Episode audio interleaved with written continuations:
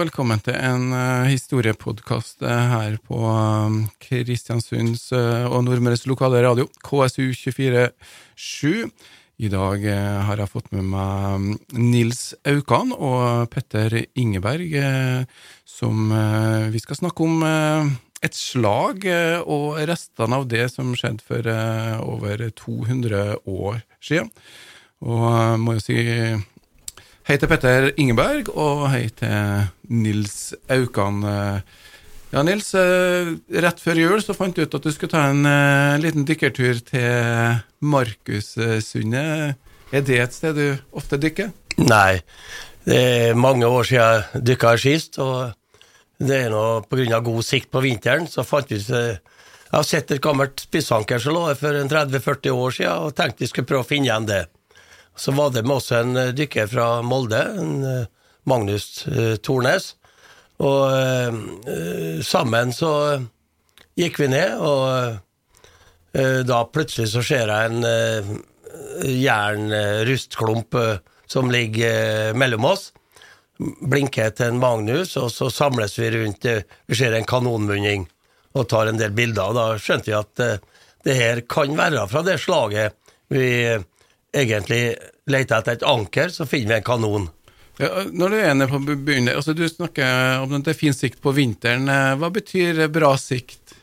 Ja, eh, det er Vi kan ha 15-20 meter til faktisk oppi 30-40 meter sikt eh, klart vann, mindre plankton på vinteren.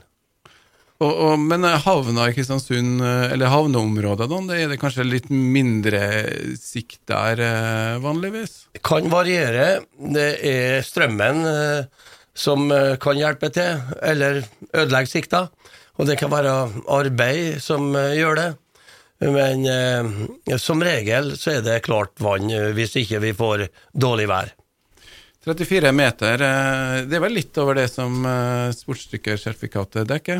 Ja, det Jeg har jo litt mer enn det vanlige sportssykkelsertifikat, da. Ja, for det, det, Du har jo lang erfaring som, som dykker. Eh. Ja, holdt på i eh, godt over 55 år. Så begynte jo i 65, så jeg eh, holder nå koken ennå.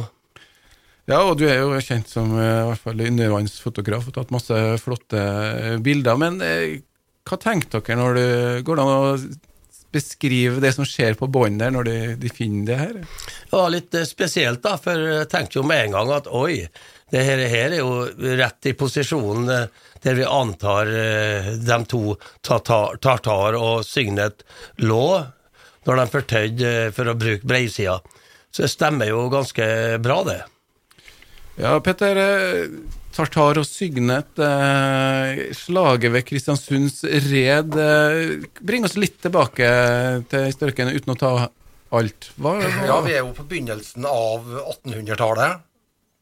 Norge og Danmark er i union. Vi har dansk konge. Og Danmark ble med i krigen, i napoleonskrigene, på Frankrikes side. Uh, og det skyldtes vel i hovedsak at København ble angrepet av britene i 1804. Og dermed så tok de jo nesten hele flåta der og gjorde stor skade.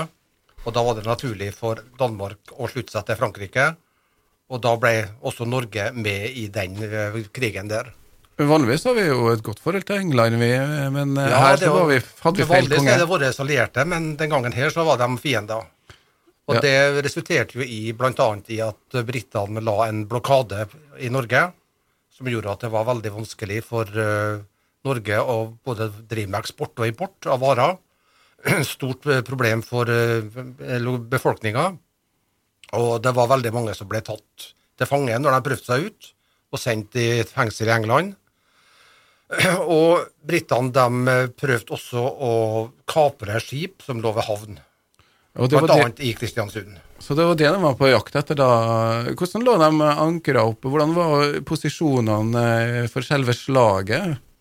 Jo, de, de, kom jo inn hit den 7. juli i 1808 og tenkte seg inn Sørsundet. Men vindforholdene gjorde at de gikk ut, eh, på utsida. Sjekka Dalesundet, om de skulle gå inn der. Heller ikke det var de fornøyd med. Så de for til Årsund og venta og la seg i ro der. Og så om natta, natt til 8. juli i 1808, så tok de seg inn om sundet. Og om morgenen den 8. juli så var de i Markussundet, og da ble det straks skutt, dem, skutt mot dem fra land. For det som engelskmennene ikke var klar over, var jo at Kristiansund var ganske godt befesta seks kanonstillinger, en god del soldater, og vi var rede til å ta imot dem. Og det er klart, du, når det kommer to engelske krigsskip seilende inn mot Kristiansund, så veit du det. Det tar seg tid å, å sige inn eh, Det var ikke så mye vind heller, var det? Ikke så veldig mye vind. Og det var jo vaktposter på Varden. Så med samme de så seilene ut med grip, så varsla de at her er det muligens krigsskip. Og jo nærmere de kom land, jo sikrere var de på at her var det krigsskip. Så vi var jo i alarmberedskap. Hvis vi tar det stedet hvor de da eventuelt De ankrer opp for å begynne å skyte, er det sånn? Ja, de skjøt først, og så ankra de etterpå. Ok, ja. Så du fant ankeret, Nils. Går det an å beskrive litt sånn nøye hvor man eventuelt eh, er hen nå? I Markedsund er jo Ja, vi har jo ei skisse som eh, Nordmøre museum har, som viser hvordan de eh, lå i Markedsundet, også med skuddposisjonene som Norges geografiske oppmåling den gangen tegna. Og det er jo på tvers i Markussundet. De har et landfeste på nordlandssida, der dagens OSS ligger. Og så sies det at uh, Signet kasta anker, og da lå de fortøyd i hverandre, de to båtene. Uh, om de bare brukte anker og fortøyd samtidig, vet vi ikke, annet enn at iallfall så ankra de. Og når de fikk eh, behandlinga fra batteriene i Kristiansund, så eh, fikk de en del eh, skader, kanskje drepte. Og, og da, etter forhandlinger, trakk de seg ut. Men eh, iallfall så måtte de ligge med breisida til. Og det er i grunnen den posisjonen der at det kan synes det er kanonen vi finner. Ja, Men det ankeret vet vi ikke om det er fra dem, da. Vi har har ikke funnet det igjen ennå. Nei, for det, uh, det, er jo ikke bare å ta opp ting eh, når man, når man finner, men man, antar da at uh, det har vært skade på båten som gjør at uh, kanonen har datt over bord? Ja, jeg antar det. Det var skade på båten. For at når, når de forhandla om fred og våpenhvile, så var jo en norsk delegasjon om bord i båten, og da så de jo at det var skade på begge båtene. Det var folk som var såra, og det var folk som var døde.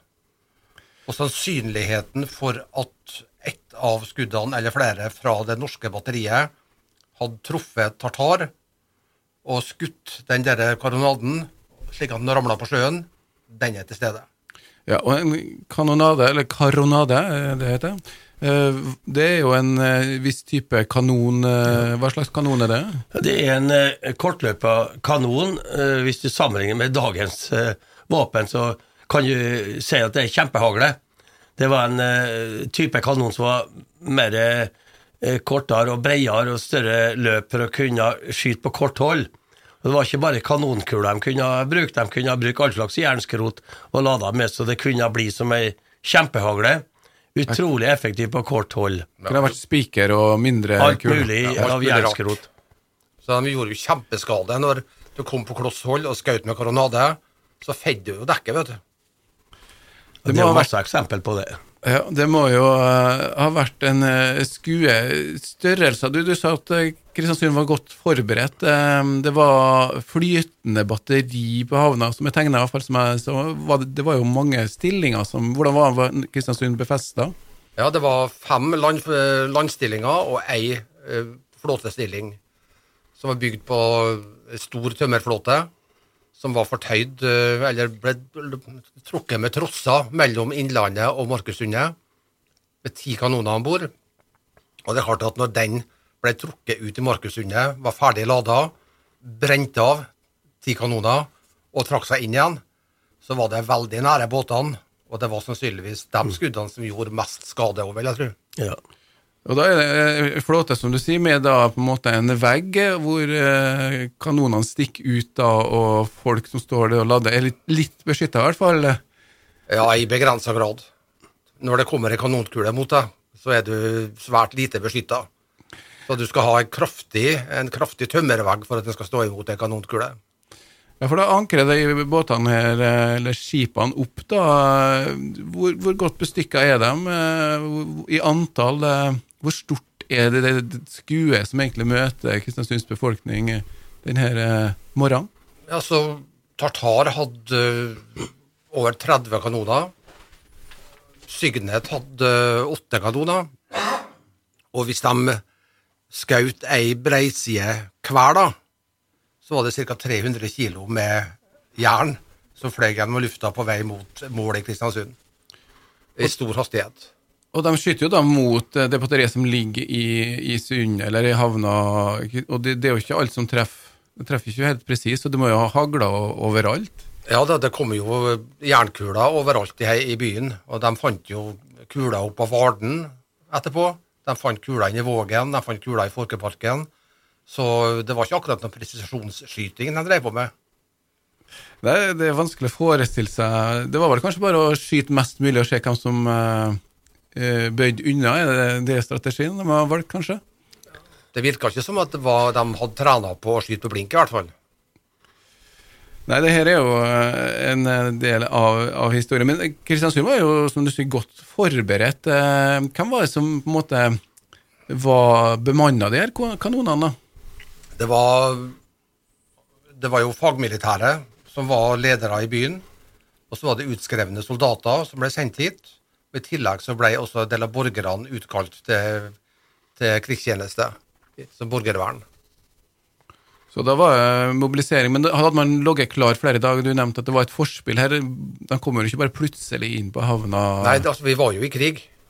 Og norske havner var jo utsatt, slik at det var jo flere, i flere kystbyer at det var satt ut kanonstillinger, og det var sendt ut soldater som, lå, som var der i beredskap. Og mange kristiansundere, eller mange, har kanonkuler eh, liggende i hagen fra den tida? Uh, ikke så veldig mange, Uh, fordi at de som ble funnet, ble i stor grad innlevert. Uh, jeg fikk jo overlevert ei kule her på begynnelsen av 2000-tallet. For da var det noen som hadde funnet ei kule nede i hagen sin når de grov ut tomta nede på Goma. Og så hadde, satte de den på en jernstang i hagen og syntes det var veldig tøft. Og så når de skulle avvikle, da, så visste de at Kristiansund kommune var litt opptatt av å gjenskape den historien her og fortelle henne videre. Så da fikk vi overlevert den kanonkula. Ei diger kanonkule fra 32 punds kanon. Veier 15,6 kilo. Steintung. Og det gikk med en del krutt for å løfte noe sånt? Ja, altså når du skal skyte eh, fra en 32 punds kanon, så bruker du 5 kilo krutt per, krutt per ladning. Og svart krutt. Så det, var jo, det sto jo en svart røyk der, og eh, folkene som bor, var jo helt svarte i trynet, og de hadde sikkert ikke hørsel i det hele tatt. Ja, Og lyden var voldsom. Voldsomt lyd. Så til sammenligning, da, når du fyrer av en kanon oppå på Bautaen på 17. mai og sånn, så er det ca. en halv kilo krutt som brukes per kanon per skyting. Og her var det fem kilo. Så det sies jo det at de hørte kanondrønnet helt til Molde. Ja, og vi har vel sjelden vært så lydhør som eh, da vi kristiansundere Eller i hvert fall du kunne høre byen. eh, Da. Det er jo eh, etterlatenskapet fra det her slaget, da, som um, Har de funnet andre ting fra den perioden, eh, Nils? eh? Eh, Ikke som vi kan knytte til akkurat det slaget. Og Det er derfor vi syns det er litt interessant nå, kanskje å se litt mer rundt det. Og da har vi også eh, Sist søndag fikk vi assistanse fra en eh, ROV, en fjernkontrollert eh, undervanns-TV, som søkte i sundet, for vi tenkte vi må gjøre et lite slag for å prøve å finne det ankeret. Det fant vi ikke, men vi fant to andre anker og et gammelt vrak av en kutter nede på bunnen der. Så det er stadig noe nytt som dukker opp. Eh, Men eh, når du er ute eh, og, og leter etter ting på bunnen, hva gjør dere når de finner noe? Det er jo regler og, Ja. for hva de kan gjøre, faktisk. Vi har Fornminneloven, og vi har jo tatt kontakt i i dette tilfellet med både NTNU i Trondheim, marinarkeologer der, og Bjørn Ringstad på Fylkeshuset. Så vi har jo en veldig god dialog med det her, da. Men det tar jo litt tid for å finne ut hva, egentlig, hva skal vi gjøre nå. Vi har jo lyst eh, til å heve den og gjerne få behandla den gjerne få den utstilt på museet eller hvor det passer i byen. Men eh, det tar jo litt tid. Og så en annen ting, at det her koster penger eh, å konservere, og det tar lang tid. Og det er kanskje bøygen er. Museene har jo ikke akkurat så god råd. Så, men vi håper å, å få det til. Da handler det vel litt om å få løfta det et hakk høyere opp fra de lokale museene og opp til Ja, vi må eh, Altså, ansvaret ligger jo på marinarkeologene på NTNU og fylket. Og det er dem som avgjør dette her. Vi skal gjerne bistå. Men hva sier de eh, om funnet? Veldig interessant. Og spesielt at det er jo ikke en hvilken som helst kanon, det her. Kan vi knytte den til det slaget, så er det jo det som er hovedpoenget. Eh, for jernkanoner i seg sjøl er ikke spesielt eh, sjelden. Vi har jo eh, liggende på forskjellige vrak langs kysten, og av og til så blir det jo funnet. Men de blir stort sett liggende på bunnen, av at vi vet stort sett teknologien. Men skal vi komme videre i det tilfellet her, så må vi rense kanonen for å se om vi finner merker på den. Jeg vet jo det, Hvis det er en karonade, så er den kanskje laga i Skottland, på Carron eh, støperi. Det er derfor den heter karonade. Det kom navnet derifra. Og eh, jeg vet at eh, i begynnelsen av 1700-tallet så var det jo et vrak, vrakrester som dreiv inn til bud. Del av dekk med rekke, med to karonader på dekket som var igjen, og de hadde nummer. Og Jeg tok meg friheten og sendte et brev til eng engelsk ambassade for å høre om vi kunne finne ut hvilket vrak det er. I øyeblikket så er det et ukjent vrak, ingen vet det. Men det var sannsynligvis et eh, eh, marineskip. Og eh, rødmalt, det vil si eh, litt spesielt fra den tida. Du vet at eh, i en sånn karnade, sånn som her i Sørsundet, i Markussundet, så eh, ville det bli blodspletter. eh, Mange ble skada og eh, daua. Og derfor så malte de dekket rødt, for da skulle ikke blodet vises så godt. Så det er litt spesiell historie av hvorfor eh, dekk og rekke er malt rød. Men sannsynligheten for at den karonaden er fra det slaget, den er ganske stor. Ja. Fordi at den ligger på rette plassen. Og Det det, er rette typen kanon. Og de kaster ikke kanoner på sjøen sånn uten videre. Så når det ligger en, kanon, en et kanonløp midt i Markussundet, så har det ei historie. ja. Og vi vet ingen andre ting i Kristiansunds historie fra 1700-1800-tallet som tilsier at en karonade skulle ramle på sjøen i Markussundet. Og ikke midt i sundet. Nei. nei, det er akkurat det. Men hvilken hvordan tilstand eh, er det her? Du snakker om konservere. Ja, Det er jo ofte at man bare lar ting ligge, fordi at eh, det å ta det opp eh, nettopp. Eh, en jernkanon får et korrosjonskall.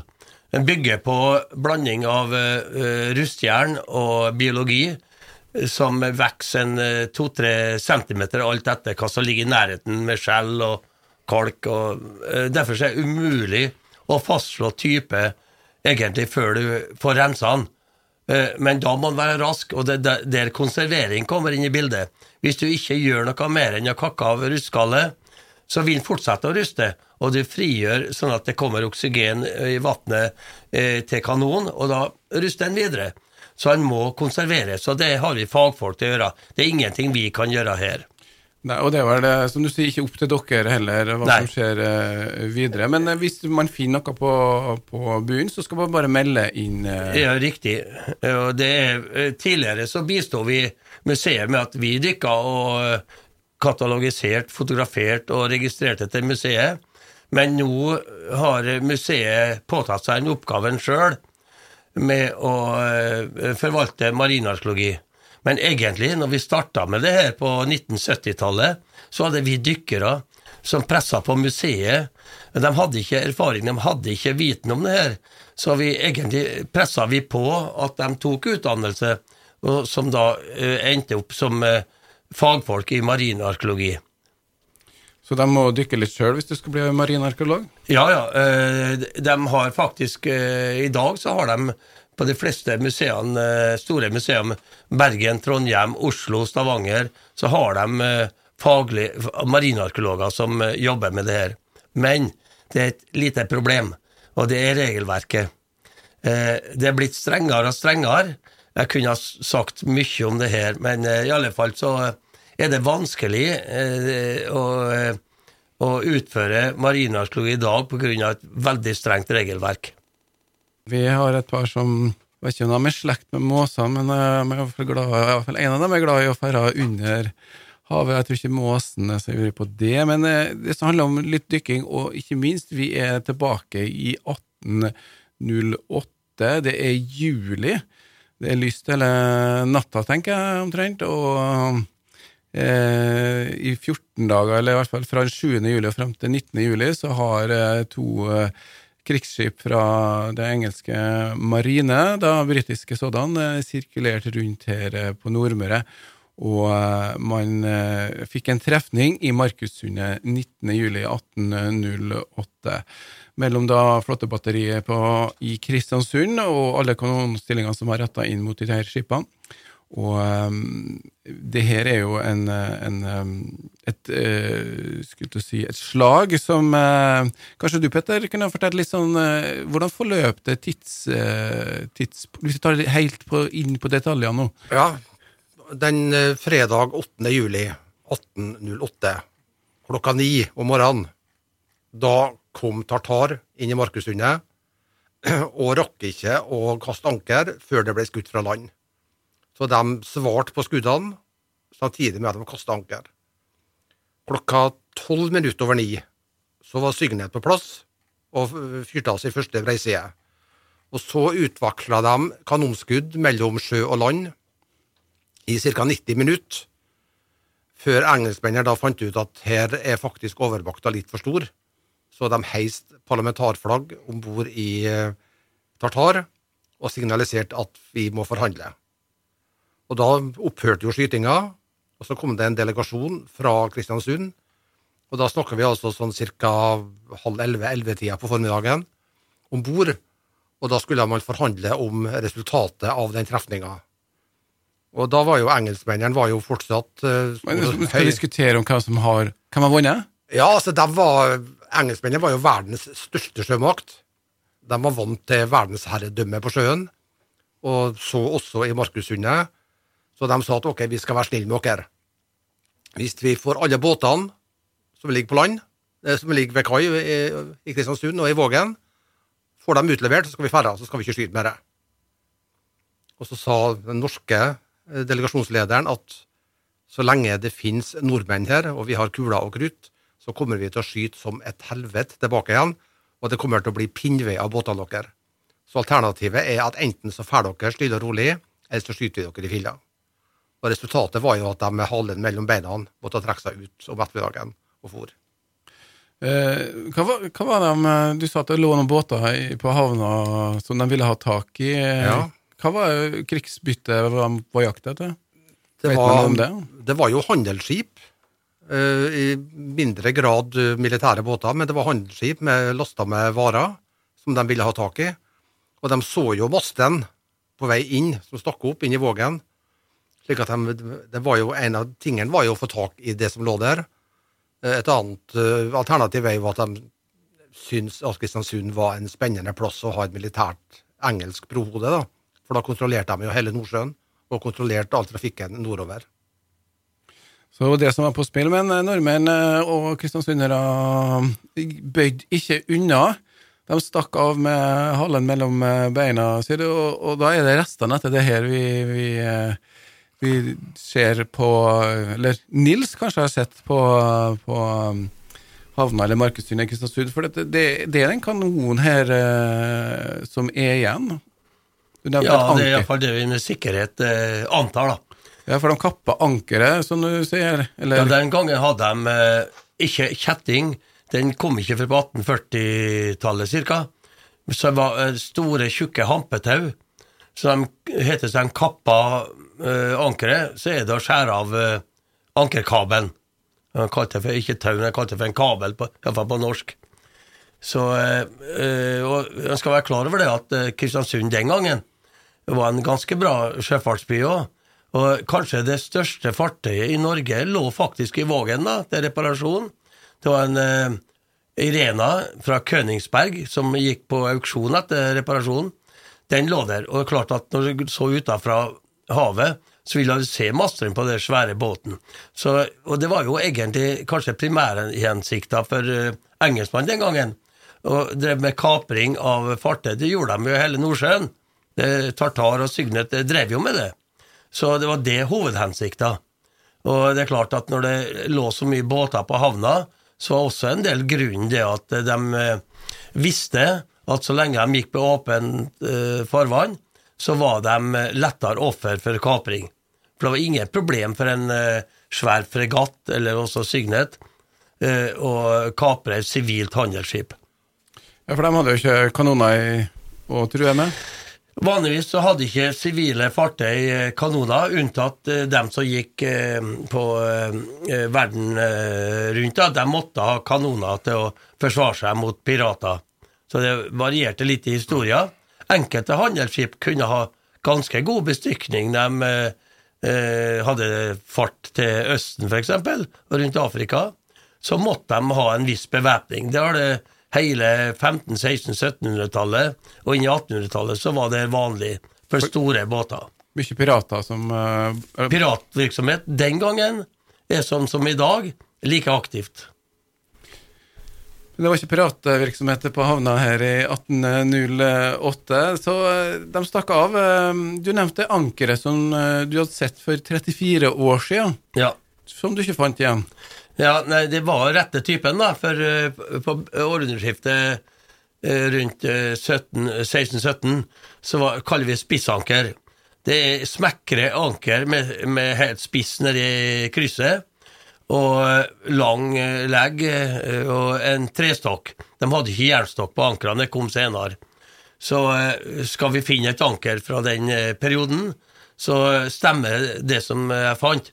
Men vi er jo ikke 100 sikre. Det kan gjerne være gjenbrukt. Og de ankrene vi fant nå, det er gjenbruk av gamle stokkanker med jernstokk, som er brukt på de anleggene som vi hadde Nordfinn og Curadores på andre sida. De hadde lagt ut eh, stokkanker for å holde seiposer seigposer på plass. Så det gjør at eh, vi er langt ifra sikre på hva vi finner. Men eh, grunnen til at du ikke fant det ennå, det Husker du ikke plassen, eller hvordan eh? Nei, det flyter dårlig, sånn at eh, vi regner med at det er der. Men Markushund er stort, og når vi er nede på 20-30-40 meter, så er det ikke rare lyset å operere på nå. Det, vi har eh, løkt og eh, lyser rundt oss, og det er bare noen få meter vi har eh, sikt på. Så det er som begrenser muligheten. Og så har vi veldig kort tid nedpå her. Det er bare ti minutter vi har til rådighet. Ja, for det er såpass langt ned, og da må vi Ja, passe på at vi tar stopp dypere vi går, så mer luft bruker vi, og så får vi eh, tida, da. Eh, Vi må gå opp eh, for å unngå trykkfallsyke, Ja, for det må stoppe underveis. så vi må stoppe underveis, og det sier seg sjøl at da tar det veldig lang tid før vi kan si at vi har dekning på sundet. Så jeg, jeg vil si sånn, vi har veldig mye muligheter til å finne mye rart i, i Markussundet ennå. Men eh, nå er det jo blitt så mange ROV-er, som er, er det noe man kunne ha gjort? Jo, som sagt, vi hadde Sist søndag så hadde vi besøk av en eh, ROV, og eh, den søkte litt rundt en times tid. Men eh, likevel, selv med en ROV, så tar det lang tid å kunne si at vi har dekning på sundet. Så vi søkte et lite område, men vi skal ikke klage. Vi fant to andre anker og et gammelt vrak. Så eh, det vraket var ikke historisk, det var en oppføringsmotor og en toblad propell. Så det er kanskje ikke det store, men likevel er det interessant. Stadig sting å finne eh, på havna. Hvordan, bare sånn generelt, eh, er det blitt bedre sikt i, i havneområdet? Havnebassenget? Eh, både ja og nei. Eh, på vinteren, høst og vinter og vår, inntil nå mars, så har vi god sikt. Men ut i slutten av februar så begynner planktonveksten, og da begynner det å tette seg til. Det er jo liv. Det skal jo være mat for fisk, og det er en naturlig syklus. Det er, høres utrolig spennende eh, ut. Eh, Det er jo da det vi lurer på nå, hva skjer med det her eh, funnet? Har vi fått noen signaler? Eh, ja. Eh, Snakka både med Trondheim, eh, NTNU, og eh, melding frem og tilbake til Ringstad. vi må ha en søknad for heving, og så er det opp til museet å godkjenne det. Så det er liksom flere trinn vi må ha. Og det er klart at før du starter heving, så må det være en plan for eh, behandling, konservering, og alt det her tar litt tid. Men det er jo også snakk om penger, da.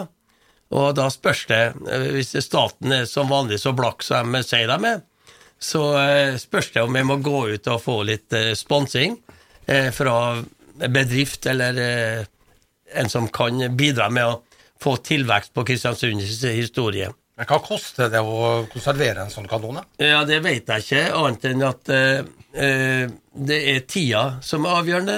Det skal rense, den skal vannes ut, for eh, i og med at det ligger saltvann, så vi, hvis ikke det blir eh, vanna ut tilstrekkelig, og det tar tid, så eh, vil den korrodere. Så må den bruke et eller annet form for konservering for å holde den i en, bevare den i den tilstand som gjør at den er museal. Og det kan være litt av et problem, for samtlige vrak som ellers er konservert, sånn som vi har Vasa eh, i 1628, eh, vi har England har litt problemer med Mary Rose, det viser at den gamle konserveringsmetoden på tre, eh, polyetylenglycol, det er ikke tilstrekkelig, så jeg må igjen finne på andre måter å konservere. Sånn er vi jern òg. De kanonene som er konservert, jeg vet at det er tilfellet på Runde, så fikk eh, bistod jeg eh, hollendere med å heve en kanon der, så de fikk tilbake til Holland. Den har de greid å konservere ganske bra. Eh, men én metode vet jeg om, det er å varme den opp i nitrogenatmosfære til eh, 700-800 grader. Det kan redusere rusta tilbake til jern. Men hydrogen, og har brukt, men hydrogen er jo litt farlig hvis det blir litt oksygen i blandinga. Da blir det en stor smell. Og det har de prøvd, og det var ikke bra. Men hva vil du tippe, da? At det Nei, kan det, koste hva det koster? Nei, jeg har ikke begrep om, eh, om kostnader, egentlig. Men at det blir noen tusenlapper, det er garantert. ja, over 100 000? Nei, det kan det ikke bli. Akkurat. Spørsmålet er vel å få med seg Vitenskapsmuseet eh, Ja. til å finansiere selve utgravinga eller opphentinga. Ja, må, det blir jo et sånn eh, Det er flere ting som må på plass. Men vi har jo et lite kulturhus på gang eh, 2024. Det hadde jo vært fantastisk å få det utstilt eh, Akkurat. der, da. Mm. Petter, er det noe man burde ha jobba for? Så klart det. For at i og med at det her er så spesielt Kanonen er jo ikke så spesiell i seg sjøl, men hendinga er så spesiell. Og at eh, det at vi vinner over engelskmennene, det går jo nesten inn i norgeshistoria. Så det å kunne knytte et funn der, og ha en sånn kanon som står i det nye kulturhuset, Kultur- og operahuset, det vil være kjempeflott. Ja, En skal jo være klar over at uh, det var ikke mange byer i Norge som greide å stå imot engelskmannen. Det var jo eh, et, eh, Vi har et, maleri av tartar fra Alvøen ved Bergen. De prøvde et slag der for å kapre båter der. Det ble avvist av norske kanonbåter, så de trakk seg tilbake. Så det var det eneste tilfellet jeg kjenner at de ble avvist. Ellers så har vi flere historier fra at eh, engelskmann var frekk nok på Sørlandet. Senka de jo norske orlogsskipet Najaden enda tidligere, tror jeg, på 1600-tallet. Så eh, de eh, var 'rule the waves', som de sa engelskmann. Det gjorde de. På samme måte som de eh, rulla på fotballbanen helt til vi greide å slå dem. Og vi husker sikkert ennå når vi slo England 2-1 på 80-tallet. Akkurat. Så det kunne vært et symbol på det. Mm. Og Nordmoria, og da er vel egentlig eh, to ting som må skje. Vitenskapsmuseet må være litt positivt og faktisk løfte den opp. Og så kanskje vi må skrape sammen noen kroner og presse litt på. Altså Hvis finansieringa kommer på plass, så gir jo den tillatelse til heving av kanonen. Det er jo helt klart. Da Det, er det, det, det, det er snakk om penger her, altså. og da har vi jo noen som har tjent penger i byen òg, så syns jeg de skal være på sin plass og stille opp og eh, sørge for at eh, Nordmoria Kan noen stå liksom litt offentlig eller sånn Ja. tilgjengelig? Ja. Det er jo ikke så enkelt å putte den i lomma og stjele den heller, da. Men, Men hvor stor er den? Du, du nevnte Nei, kanskje han er en, for å si nøyaktig, 1 meter og 32 centimeter målte vi ned på bunnen. Det er ordentlig favntak. Ja. Hvordan kaliber, ja. Nei, det er litt, han har ca. 11 cm i åpningen, men som sagt, målene der må vi ta med klype salt. av korrosjon. Det går jo begge veier. Helt fantastisk funn. eh, Og uh, igjen, da, så vi må bare skrape sammen noen kroner, og så uh, får de bemidlede stille opp, så vi får historien bevart her i Kristiansund. Jeg skal si tusen takk til Petter Ingeberg og Nils Aukan, og så skal vi selvfølgelig følge historien og se hva som går videre. Da takker vi for oss. Eh, Hvis du har noe innspill eh, eller lyst til å bidra med noen kroner, da, så kan du bare sende en mail til post1ksu247.no så skal vi formidle alt det her videre til de rette instanser. Det er en fantastisk sak. Og hvis du har noen andre innspill til ting vi skal ta opp på historiepodkasten, så er det også å sende det til post eh, alfakrøll ksu247.